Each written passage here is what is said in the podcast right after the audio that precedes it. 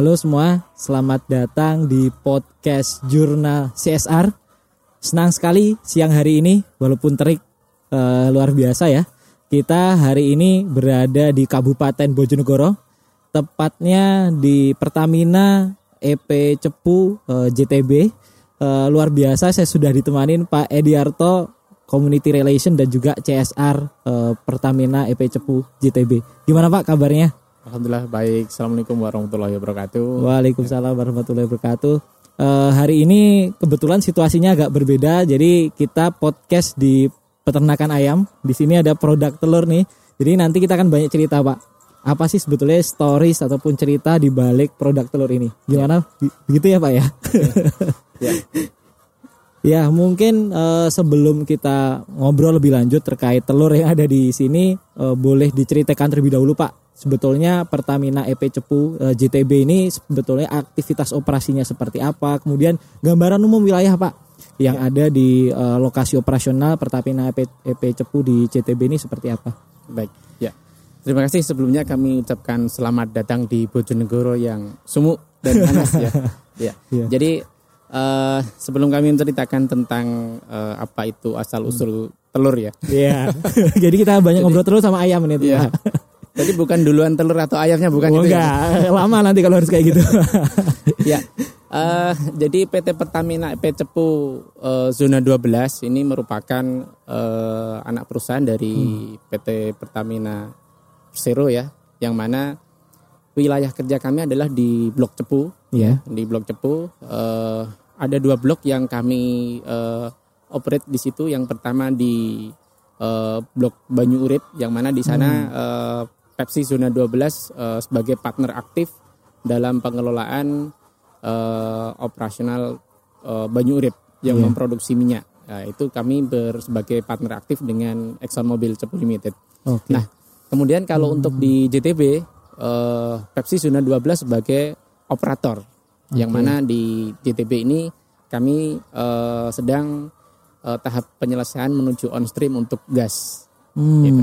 Jadi yeah suasananya memang di Kabupaten Bojonegoro seperti ini ya. Uh, operasional dari JTB ini berada di empat desa utama ya. Ada hmm. Desa Bandung Rejo, Kecamatan Ngasem, kemudian yeah. Desa Kaliombo, Kecamatan yeah. Purwosari, Desa uh, Pelem, Kecamatan Purwosari, dan tempat kita uh, saat ini adalah di Desa Dolo Gede, Kecamatan Tambarjo.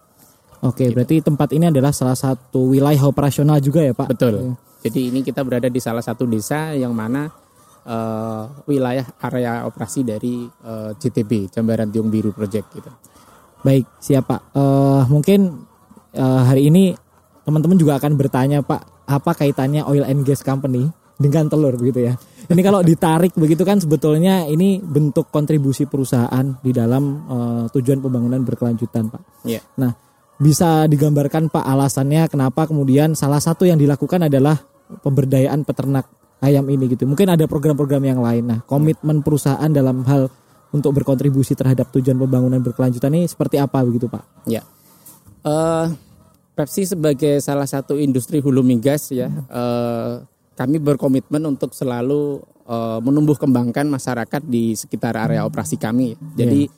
Ya. uh, kita tidak sekedar uh, menjalankan operasi mengejar hmm. profitabilitas tetapi kita juga memper uh, merhatikan masyarakat sekitar operasi kami yeah. karena tidak mungkin kita melangkah maju sendiri tanpa ada dukungan, dukungan dari masyarakat sekitar kan begitu yeah. jadi uh, menurut kami pembangunan berkelanjutan yang mana kami bisa berkontribusi di dalamnya adalah uh, salah satu modal penting bagi uh, keberlanjutan sebuah operasional dari perusahaan seperti itu. Iya, jadi artinya uh, ini juga sebagai salah satu upaya ya Pak untuk meningkatkan kualitas hidup masyarakat.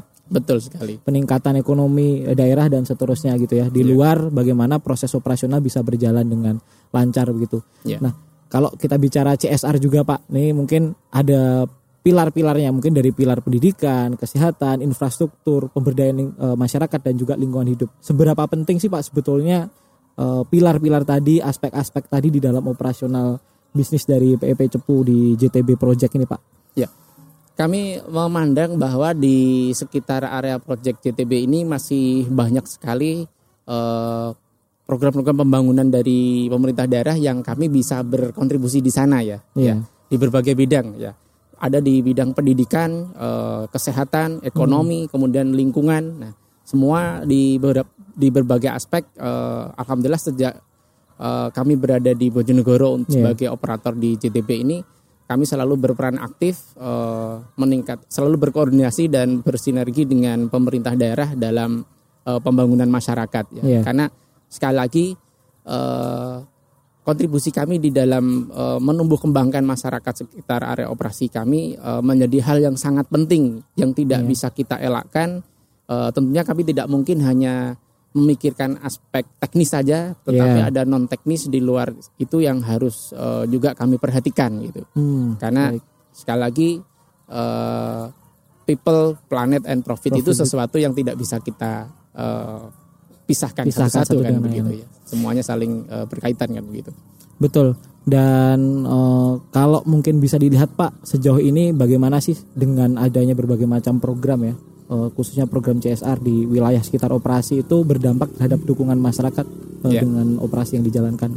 Ya, alhamdulillah eh, banyak sekali dukungan yang kami dapatkan sehingga eh, Pepsi bisa sampai eh, akan eh, boleh dibilang saat ini adalah detik-detik akhir penyelesaian proyek JTB menuju on stream ya. Ya. Dan tentunya perjalanan itu tidak mungkin bisa terwujud tanpa dukungan masyarakat ya. Hmm, Karena ya. selain ada eh, izin formal eh, itu semua proyek JTB ini bisa berjalan lancar. Kalau izin formal yang kelihatan aja Yang ya. kelihatan aja ya kan itu. Oke. Karena di sini kita juga mendapatkan eh, izin sosial ya, social Iya. license to operate yang mana eh, alhamdulillah sampai saat ini kami mendapatkan dukungan yang sangat-sangat eh, baik dari masyarakat sekitar gitu ya. Hmm, hmm, hmm. Dan yang saya baca menarik salah satu program yang dijalankan adalah program budidaya 7000 ekor ayam petelur ini Iya. contohnya. nah ini ceritanya gimana bisa nemu potensi ayam petelur dan Iya. kemudian diangkat menjadi salah satu program unggulan di eh, Pertamina IP Cepu JTB ini Pak. Iya. Betul, eh, Mas Tunggul ya. Jadi sebenarnya eh, budidaya ayam petelur ya. Ini eh, saya tarik agak ke belakang ya. Siapa? Kita ketahui Bojonegoro ini terkenal dengan daerah yang panas ya. Ya. atau sumuk kan gitu. Kelembapannya sangat tinggi ya. Iya. Nah, budidaya ayam petelur itu identik dengan eh, dibudidayakan di kawasan yang relatif lebih sejuk dengan Hmm. temperatur yang maksimal di bawah 30 derajat. Iya ya. Padahal kita ketahui di Bojonegoro ini rata-rata 35 derajat ke atas. 35. Ya, kira-kira. nah, Oke. Eh, awalnya memang menjadi anomali, eh, Hmm. Mas Unggul. Kami melakukan budidaya ayam petelur ini eh, istilahnya agak out of the box The gitu box. ya, di luar dari habit Iya, yang iya. seharusnya ada di sini kan gitu. Hmm. Namun kami eh, berangkat dari bahwa kebutuhan telur di Kabupaten Bojonegoro ini per tahun itu mencapai 80 ribu ton. Namun 80 ribu ton per Iya. tahunnya. namun dari eh, info dari di Perindak waktu itu ya dan Dinas Peternakan Kabupaten Bojonegoro bahwa eh, Kabupaten Bojonegoro itu hanya mampu memproduksi telur melalui eh, para peternak lokal ya di Bojonegoro itu sekitar eh, tidak ada 10 persennya mas gitu. Oh, Jadi oke. sekitar 12 ribu Iya. ton telur kan gitu. Nah di situ kami mencoba untuk mulai berpikir eh, ini kan eh, sebuah pasar peluang pasar yang sangat besar kan begitu. Opportunity, Ya, wah. peluang yang sangat besar. Kenapa tidak kita coba gitu ya Hmm. dengan eh, melibatkan masyarakat sekitar area operasi kami untuk eh, ayo kita coba budidaya yang betelur ya. Masalah Oke. alam memang karunia Tuhan seperti ini Tidak ya. bisa dirubah. Tidak bisa gitu. dirubah ya. Iya. Lalu apa yang bisa kita perbuat kan kita? Iya. Akhirnya kami mencoba untuk melakukan budidaya ayam petelur dengan berbagai terobosan, berbagai inovasi yang alhamdulillah eh, perjalanannya hanya 1.500 ekor, Mas Unggul. Awalnya Pak. Awalnya hanya Oke. 1.500 ekor sebagai trial and error ya. Waktu Iya. itu eh, di satu bumdes ya, Mhm. satu bumdes, bumdes Makmurjo di Desa Bandungrejo ya. Di sana eh, awalnya kita tidak langsung budidaya petelurnya, Mas.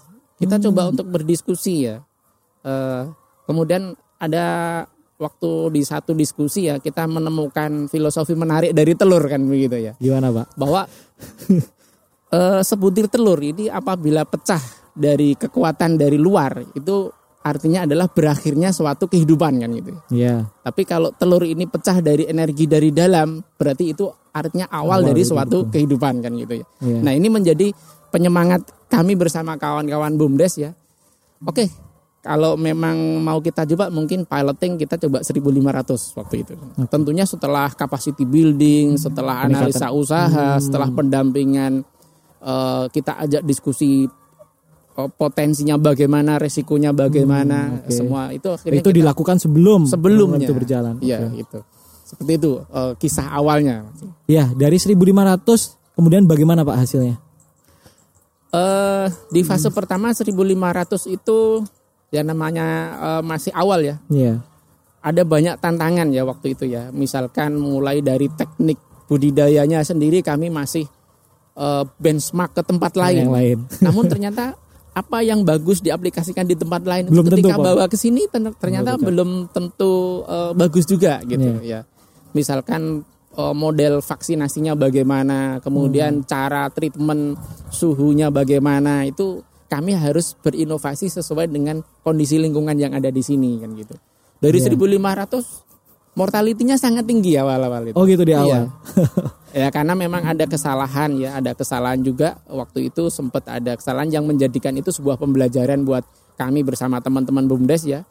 Ternyata eh, vaksinnya waktu itu yang diberikan ke ayam petelur itu eh, salah gitu. Jadi vaksinnya itu ditaruh di freezer, vaksin beku gitu ya. Oh, Jadi percuma gitu. Itu itu kesalahan fatal ya ya memang teman-teman anak kandang yang pengelola BUMDes kan memang basicnya dari nol ya. Mereka yang awalnya adalah sama sekali tidak mengenal budidaya ayam Budidaya petelur ya. Para pemuda-pemuda yang mungkin eh, hanya punya eh, kemauan dan semangat. Nah, itu menjadi modal utama untuk kemudian kami belajar. Dari 1500 awal memang kita akui mortalitasnya sangat tinggi mencapai hampir 6% waktu itu ya. Iya. Harusnya idealnya tidak sampai 5% ya. Hmm. Kemudian eh, alhamdulillah itu berjalan Iya. sehingga terjadi yang namanya eh, regenerasi ayam. Nah, Iya. ketika regenerasi ayam itulah kemudian kami sudah punya banyak pelajaran dari 1500 pertama, akhirnya dari 1500 eh, tahap kedua kemudian di tahun 2020 menjadi 3000 gitu. Oh, Ya, peningkatannya. jadi dari penjualan itu kemudian kita saving segala macam Iya. dengan mekanisme keuangan yang ya jujur aja di awal-awal memang secara profitabilitas masih harus ikat pinggang teman-teman ini kan gitu ya. Iya, iya. Akhirnya bisa regenerasi menjadi 3000 sampai 4400. Itu Hmm. yang di 2020 4400. gitu. Kalau boleh tahu Pak, profil daripada mitra ya di dalam program budidaya ini siapa saja Pak? Siapa yang dilibatkan dan seterusnya Pak? Ya, eh, alhamdulillah di perjalanannya dalam budidaya yang petelur ini Mas Unggul eh, ada banyak pihak yang sangat respect, yang sangat antusias ya. Hmm. Kami melibatkan salah satu NGO lokal yang memang sangat getol di dalam bidang pendampingan pemberdayaan ya. Oh, oke. Eh, ada kawan-kawan dari ITFOS ya. Hmm. Eh, mereka lah yang kemudian mengorganize yang mengadakan sekolah desa namanya waktu itu ya. Oke. Jadi dalam satu minggu ada pendampingan eh, hampir tiga kali pertemuan gitu ya. Hmm. Jadi di situlah terjadi seleksi alam ya para yang niat, yang niat ya. yang punya passion akhirnya Betul, bertahan. akhirnya keluar lah. Kemudian selain NGO lokal kita juga mendapatkan dukungan dari eh, dinas peternakan ya Iya. yang mana dari dinas peternakan eh, mendedikat mendedikatkan satu dokter hewan yang siap setiap saat untuk eh, Untuk kami semua mitra binaan. Pak? Iya, untuk semua Oh. mitra binaan. Untuk kami berkonsultasi ini aja kejadian eh, unggas dengan begini bagaimana treatmentnya Iya. segala macam setiap saat. Kemudian ada dari tentunya dari Bapeda Bojonegoro ya eh, Iya. selaku eh, perencana pembangunan daerah. Kemudian ta, yang sangat berperan lagi adalah dari Pemdes. Mas Unggul. Oh, Karena oke. tanpa dukungan dari pemerintah desa dan masyarakat desa ya tidak mungkin program Iya. ini bisa berjalan. Ya Betul. jujur saja karena lahan yang dipakai untuk budidaya ayam petelur ini kandangnya merupakan lahan Lahan desa. tanah kas desa Iya. yang kemudian dialih fungsikan sebagai salah satu modal dalam eh, pendirian eh, eh, unit usaha usaha. budidaya ayam petelur ini kan begitu. Baik. Unit usaha ini di bawah badan usaha milik desa atau seperti apa Pak mekanismenya? Ya, eh, budidaya ayam petelur ini salah satu eh, unit usaha BUMDes, Badan Oke. Usaha Milik Desa. Iya.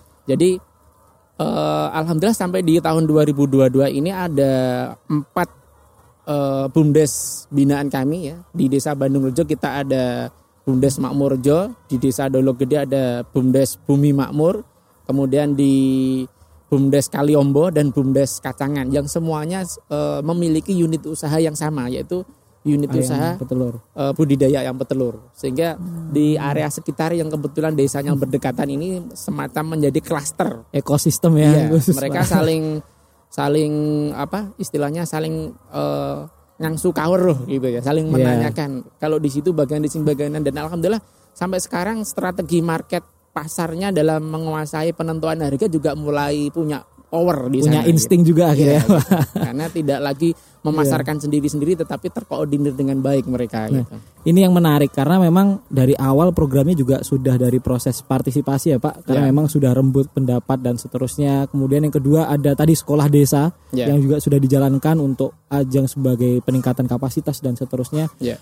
Dan akhirnya terakomodir, terkonsolidasi menjadi satu klaster, Ya. punya satu komoditas yang unik.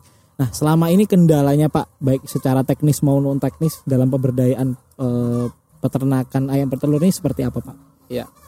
Eh kendala mungkin betul ya secara non teknis dulu mungkin ya. Iya. Secara non teknis ini yang paling signifikan atau enggak Pak? Kalau paling signifikan ya. Oh gitu. Kalau kendala teknis itu sesuatu yang eh, biasanya mudah di solvingnya sangat mudah gitu. Iya. Misalkan suhu, treatment suhu bagaimana. Itu sudah jelas gitu ya. Sudah jelas, Iya. indikator laboratoriumnya sudah jelas. Namun yang non teknis ini yang memang terkadang eh, namanya kita mengorganize banyak pihak ya, banyak Hmm. orang tentunya tidak semua suara itu menjadi suara yang memberi semangat terkadang ya. Oke. Itu itu pasti ya karena Hmm. ada eh, pendapat atau suara-suara yang mungkin dia eh, istilahnya gebosi di awal. Iya. Nah, kemudian ada juga model yang eh, di dalam pertengahan perjalanan pemberdayaan itu, pendampingan itu eh, yang namanya apa ya? eh, kembali lagi ke kejujuran pengelola kandang segala macam. Itu itu memang yang kemudian harus bagaimana hal yang kecil ini kalau sirkulasi pendampingan itu masih kecil itu biasanya tidak mensahwati Mas Unggul Iya, karena potensi ekonominya potensinya kan masih kecil. kecil. iya. Tapi ketika sudah besar itu biasanya ya mensahwati kan gitu ya profit share-nya. Nah, Iya. itu kemudian kami eh, kendala yang paling besar di sana memang. Di Iya. awalnya mungkin awalnya penuh kesemangatan, kemudian eh, seakan-akan akan mudah semua ya. Iya. Jadi seperti lagunya Lagu siapa Pak? di awal-awal kukira tak ada kendala gitu ya. Oh. Ternyata di tengah-tengah ya ada kendala Kendala. juga ya gitu. Oke, Nah, kendalanya lebih ke yang non teknis ya. Oke. Sekali lagi makanya di situ kami belajar bahwa pentingnya eh, melakukan komitmen di awal, Mas. Hmm. Mensetu- eh, bersepakat ya. Semua pihak harus bersepakat tentang bumdes pengembangan bumdes ini bagaimana. Hmm. Dan itu harus tertuang secara secara firm gitu ya disepakati oleh semua pihak. Sehingga ketika itu berjalan sudah ada sistem yang established siapa pun yang mengelola kandang, mengelola budidaya ya akan sama sistemnya kan begitu. Iya. Itu yang awal-awal yang membentuk sistem itulah yang memang kami eh, sangat sulit Butuh effortnya di effort situ Pak. gitu ya. Butuh Iya. perjuangan gitu. Artinya siapa pun yang nanti akan mengelola sistem sudah terbentuk, Iya. tinggal bagaimana kemudian eh, menangkap peluang yang lebih besar dan Betul. scale up bisnis ini ya Pak. Betul. Iya, eh, mungkin Pak kalau kita lihat proyeksinya ke depan, eh, bagaimana kemudian eh, ketersediaan eh, telur ini di Hmm. klaster yang tadi sudah disampaikan itu menjawab kebutuhan pasar nih sejauh ini kira-kira proyeksinya ke depan seperti apa Pak? Khususnya untuk di Kabupaten Bojonegoro nih. Ya. Eh, tentunya mengingat sangat besarnya eh, gap antara produk eh, si telur di Bojonegoro dengan kebutuhan pasar ya. Iya. Eh, bumdes di klaster ini tentu eh, kan sangat jauh dari untuk mencukupi ya. Keseluruhan Ya, kebutuhan. keseluruhan kebutuhan ya.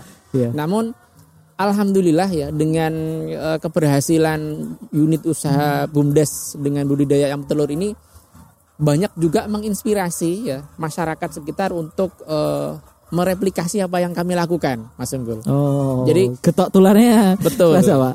Jadi karena mungkin oh itu budidaya ayam telur ternyata bisa loh dilakukan gitu. Sehingga Hmm. ada beberapa warga yang melakukan budidaya secara individu. individu. Dan itu menurut kami sangat bagus. Iya. Karena eh, satu sisi itu akan men-scale up volume produksi telur di Bojonegoro, di satu sisi juga memiliki eh, bisa meningkatkan taraf eh, pendapatan, Pendapatan. ekonomi mereka juga ya. Nah selain itu eh, ke depan proyeksi kami tentunya adalah hilirisasi Mas Unggul. Oh, Karena oke. kami tidak mungkin hanya Bumdes ini hanya bergerak di budidaya ayam petelur saja ya kami eh, memiliki plan untuk ke depannya itu bagaimana eh, telur yang dihasilkan ini tidak hanya dijual dalam bentuk telur kan gitu ya ada produk turunan. ada produk turunan itu itu salah satu yang proyeksi kami ke depannya ya sehingga ketika harga harga telur dibanding eh, biaya produksinya tidak sebanding itu bisa tertolong dengan eh, Produk, hilirisasi produk hilirisasi. tadi gitu Ya, itu strategi yang luar biasa. Mungkin yang semoga kita doakan bersama Pak amin ya. di waktu ke depan bisa terwujud ya. Eh, kemudian eh, kita juga baca-baca Pak, salah satu program yang juga dijalankan itu adalah Agro Silvospastura ya. Agrosilvopastura Eh, ya. Itu juga dida- dijalankan di daerah sekitar wilayah operasional. Ya. Nah itu bisa diceritakan Pak, mungkin dari latar belakangnya, kenapa kemudian muncul ide itu, sampai Ya. kemudian sekarang juga sudah berjalan gitu. Ya, ya betul Mas Tunggul. Eh, Agro Silvopastura ini eh, sebuah program yang berangkat dari eh, yang mana area proyek kami, terutama yang namanya GPF, Gas Production Facilities kami itu berada di area wilayah hutan. Mas. Tunggul. Nah, dahulu sebelum kedatangan eh, ada proyek, eh, masyarakat sekitar adalah penggarap lahan hutan tersebut kan begitu ya. Hmm, Nah, ya. otomatis dengan keberadaan proyek eh, terdapat beberapa kepala keluarga eh, masyarakat desa hutan ya itu yang kehilangan opportunity untuk menggarap lahan tersebut kan begitu ya. Iya. Nah, meskipun sebenarnya penggarap lahan hutan itu eh, berkontraknya itu dengan perhutani Hmm, Jadi iya. dan Pepsi sendiri sebenarnya sudah secara eh, aturan ya, secara secara ketentuan itu sudah comply dengan aturan yang diterapkan oleh KLHK yaitu mengganti eh, luasan lahan hutan yang dipakai, Dipakai. proyek di tempat lain kan Iya. dan itu sudah dilakukan. Namun kan kita tidak bisa tutup mata meskipun itu secara formal kita sudah penuhi Iya. sudah comply tetapi kita melihat ada masyarakat yang secara opportunity dia kehilangan opportunity untuk eh, mengkultivasi lahan tersebut kan begitu ya sehingga terpikir bagi kami untuk eh, kemudian bagaimana masyarakat ini kita mau ajak apa kan begitu ya Hmm. sehingga dan diskusi kemudian kami libatkan dengan pihak perhutani mas. Hmm. Nah dari pihak perhutani di sana ternyata ada sebuah lahan yang itu merupakan secara hukum itu are, secara undang-undang ya itu adalah area hutan yang tidak boleh dikultivasi dengan tanaman e, musiman yaitu Oh. namanya KPS kawasan perlindungan Perlindungan setempat.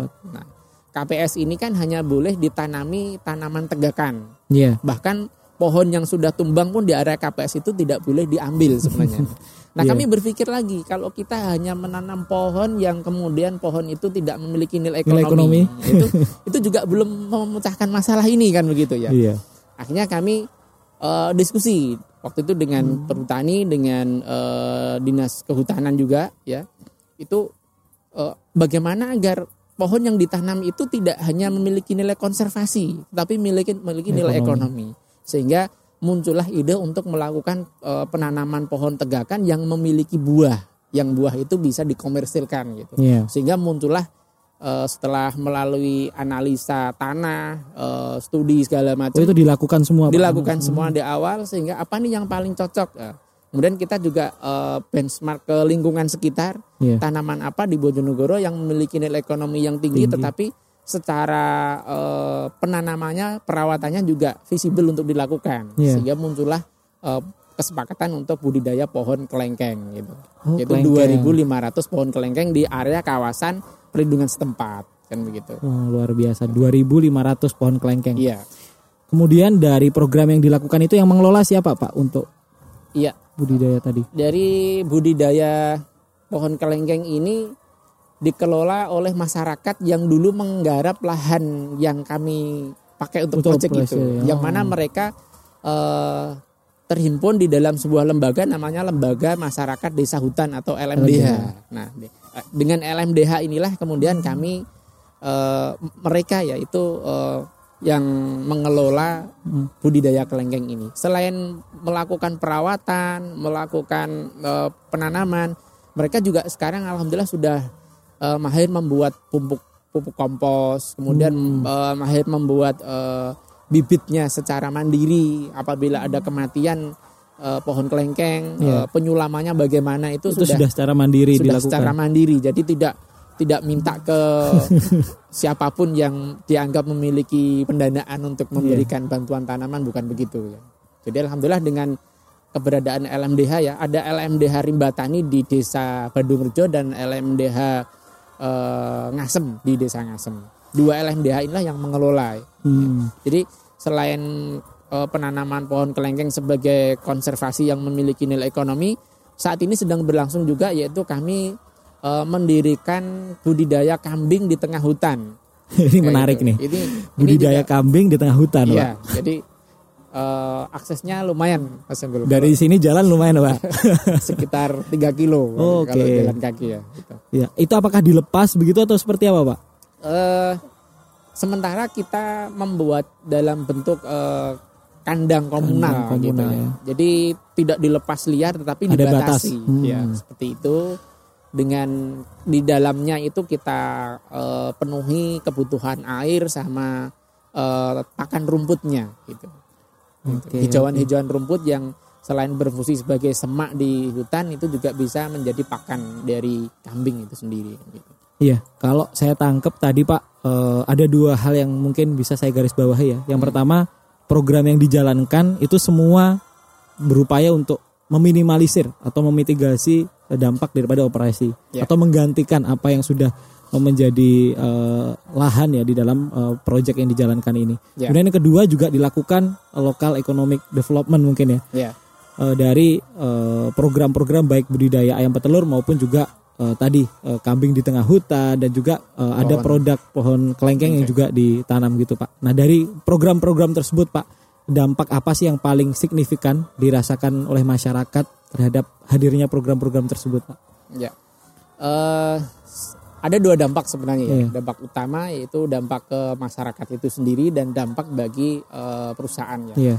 Di bagi masyarakat tentunya mereka memiliki opportunity yang mungkin sebelumnya tidak belum pernah terpikirkan kan begitu ya. Yeah. Ada opportunity baru untuk uh, peningkatan uh, mata pencaharian mereka kan begitu ya bagi masyarakat sekitar operasi yang mana dulu mungkin semua orang udah pernah melihat pohon kelengkeng itu bisa ditanam dan berbuah tapi yeah. bagaimana itu dikembangkan secara masif secara dalam jumlah uh, industri itu yang belum belum terfikirkan yeah. itu menjadi sesuatu yang baru yang menjadikan uh, dampak positif selain memiliki memiliki fungsi konservasi juga memiliki nilai ekonomi, ekonomi. Ya. kemudian budidaya ayam petelur ya. Kita melihat uh, dulu sekali lagi di Bojonegoro hampir tidak ada yang percaya bahwa budidaya ayam petelur itu bisa dilakukan di Bojonegoro kan begitu ya. mematahkan ya. apa nah, ya pandangan publik iya gitu dan ini menjadi uh, semacam jendela yang baru bagi opportunity untuk peningkatan ekonomi masyarakat ya yeah. terbukti dengan banyaknya sekarang uh, beberapa warga yang mereplikasi budidaya ayam petelur secara mandiri kan yeah. gitu. Ya. nah tentunya semua itu uh, tidak hanya memiliki dampak positif bagi para peternak itu sendiri, yeah. tapi bagi para toko kelontong di sekitarnya okay. itu mendapatkan harga yang lebih murah karena dekat karena dekat ya karena yeah. mata rantai uh, transportasinya yeah. cukup dekat Selain itu mereka juga mendapatkan telur yang relatif segar, yang fresh, hmm. yang dari kandang langsung akan jauh lebih baik ketimbang telur itu didatangkan dari wilayah, wilayah. lain yang kemudian mengalami dikudangkan segala macam. Iya, mereka ya. bisa tahu secara langsung peternakannya Betul. seperti apa. Betul, Mas Unggul. Okay. Jadi ada banyak sekali ya selain nilai-nilai ekonomi ada nilai edukasi juga.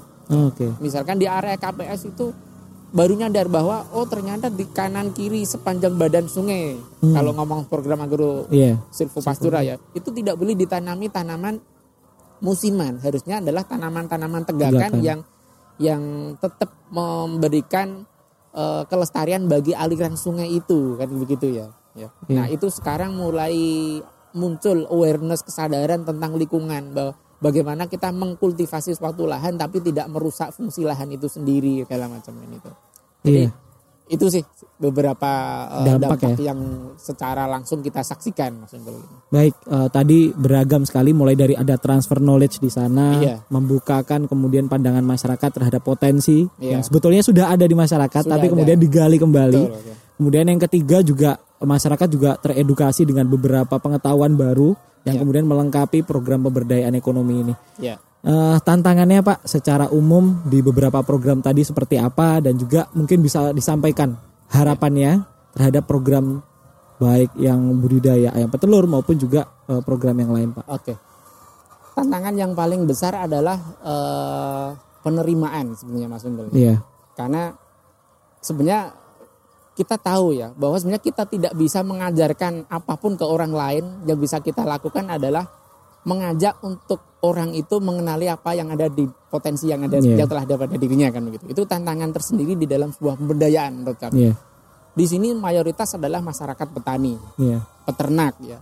Sejak lahir mereka sudah eh, menekuni bidang itu. Iya. Kemudian kita hadir hanya dengan mengedukasi tidak, tidak, Tidak cukup. cukup. Ya. Tantangannya adalah bagaimana kita hadir dan memberikan sebuah contoh keberhasilan. Iya. Karena setelah berhasil, orang lain akan meniru apa yang kita lakukan itu akan lebih mudah daripada mengeduket dari nol. gitu. Iya. Dan itu memang harus tetap dilakukan, tidak mungkin tidak kan gitu. Nah, tantangan berikutnya adalah eh, mengenalkan bahwa belum semua pihak tentunya ya eh, sadar bahwa mendengar kalimat CSR itu seolah-olah kita datang sebagai sinterklas memberi hadiah. Sebagai malaikat ya. Tentunya bukan konsepnya Iya. bukan seperti itu ya. Tantangan mensadarkan bahwa CSR itu adalah eh, harusnya menjadi sebuah eh, tools untuk sebuah keberlanjutan. Itu yang paling penting. Jadi Iya. tidak hanya bagaimana masyarakat mendapat sesuatu dari perusahaan atau given atau sesuatu yang hadiah tapi tantangannya adalah yang yang paling penting untuk dilakukan sebuah pemberdayaan menurut kami adalah keterlibatan secara aktif dari masyarakat untuk sadar sesadar-sadarnya bahwa program ini bukan dari perusahaan. Program ini program milik kita bersama. Iya. Rasa underbeni, ownership memiliki terhadap sebuah program yang kita realisasikan itu menjadi tantangan yang paling besar untuk kami gitu.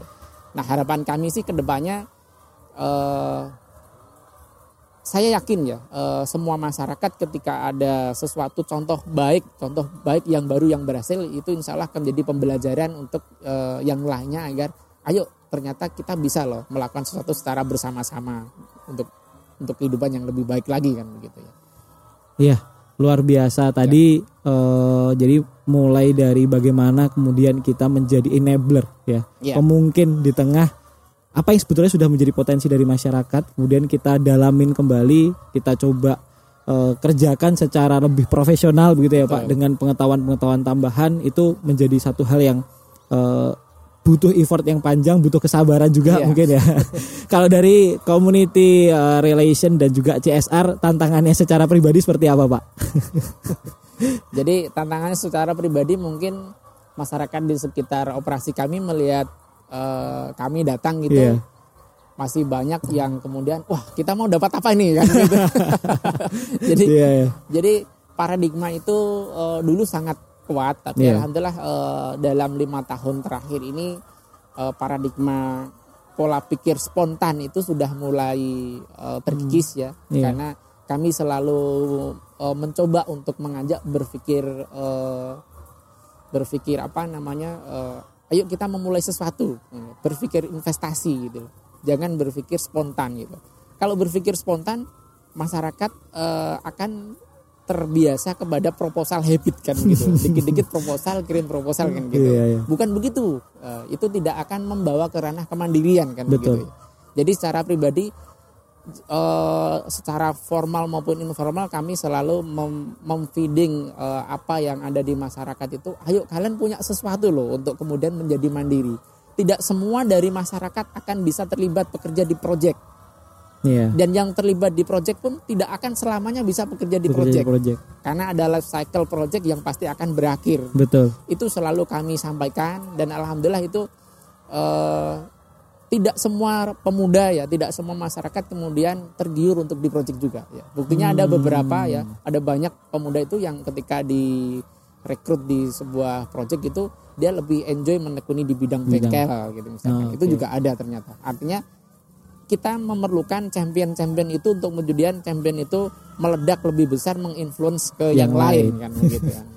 itu Mas Unggul kira-kira. Baik, eh, itu tadi saya banyak belajar hari ini terkait cerita bagaimana melakukan budidaya ayam petelur, kemudian juga program pemberdayaan yang lain dan tantangan-tantangannya juga sudah dijelaskan secara komprehensif tadi. Mungkin ada pesan-pesan Pak untuk teman-teman yang juga sedang menjalankan program CSR, program pemberdayaan masyarakat, mengalami tantangan yang sama. Apa Pak pesannya kira-kira? Ini mungkin Mas Unggul lebih kalau saya ngasih saran nggak pas Mas Unggul. Ya, tidak, Pak. Karena sudah ada experience yang di belakang kita, Pak. Gimana, Pak? Jadi, Silakan. eh, sarannya sih gini, tidak semua yang kita lakukan itu pasti diterima positif oleh Iya. orang lain ya. Iya. Tapi selama kita yakin bahwa yang kita lakukan itu mem- ini memiliki nilai dan dampak positif bagi orang lain, insya Allah itu kita sudah berada di track yang benar karena sebaik-baik manusia adalah yang bermanfaat bagi Orang manusia yang lain kan begitu ya. Insya Allah begitu. Jangan berputus asa ketika hanya ada kegagalan atau hanya karena ada kalimat yang tidak mensemangati kan gitu. Terus Siap. bersemangat menjadi insan pemberdaya Mas Unggul. Thank you Pak. Iya, Ya. tadi terima kasih pesan-pesannya dan juga semangatnya dari Pak Edi Arto, Community Relation dan juga CSR eh, Pertamina EP Cepu JTB Project. Dan teman-teman jangan lupa beli produk telur dari klaster desa apa Pak? Desa Dolok Gede. Desa Dolo Gede, Kabupaten Bojonegoro. Ya. Nanti insya Allah ini akan jadi produk unggulan dari Kabupaten Bojonegoro. Terima kasih, saya akhiri. Assalamualaikum warahmatullahi wabarakatuh.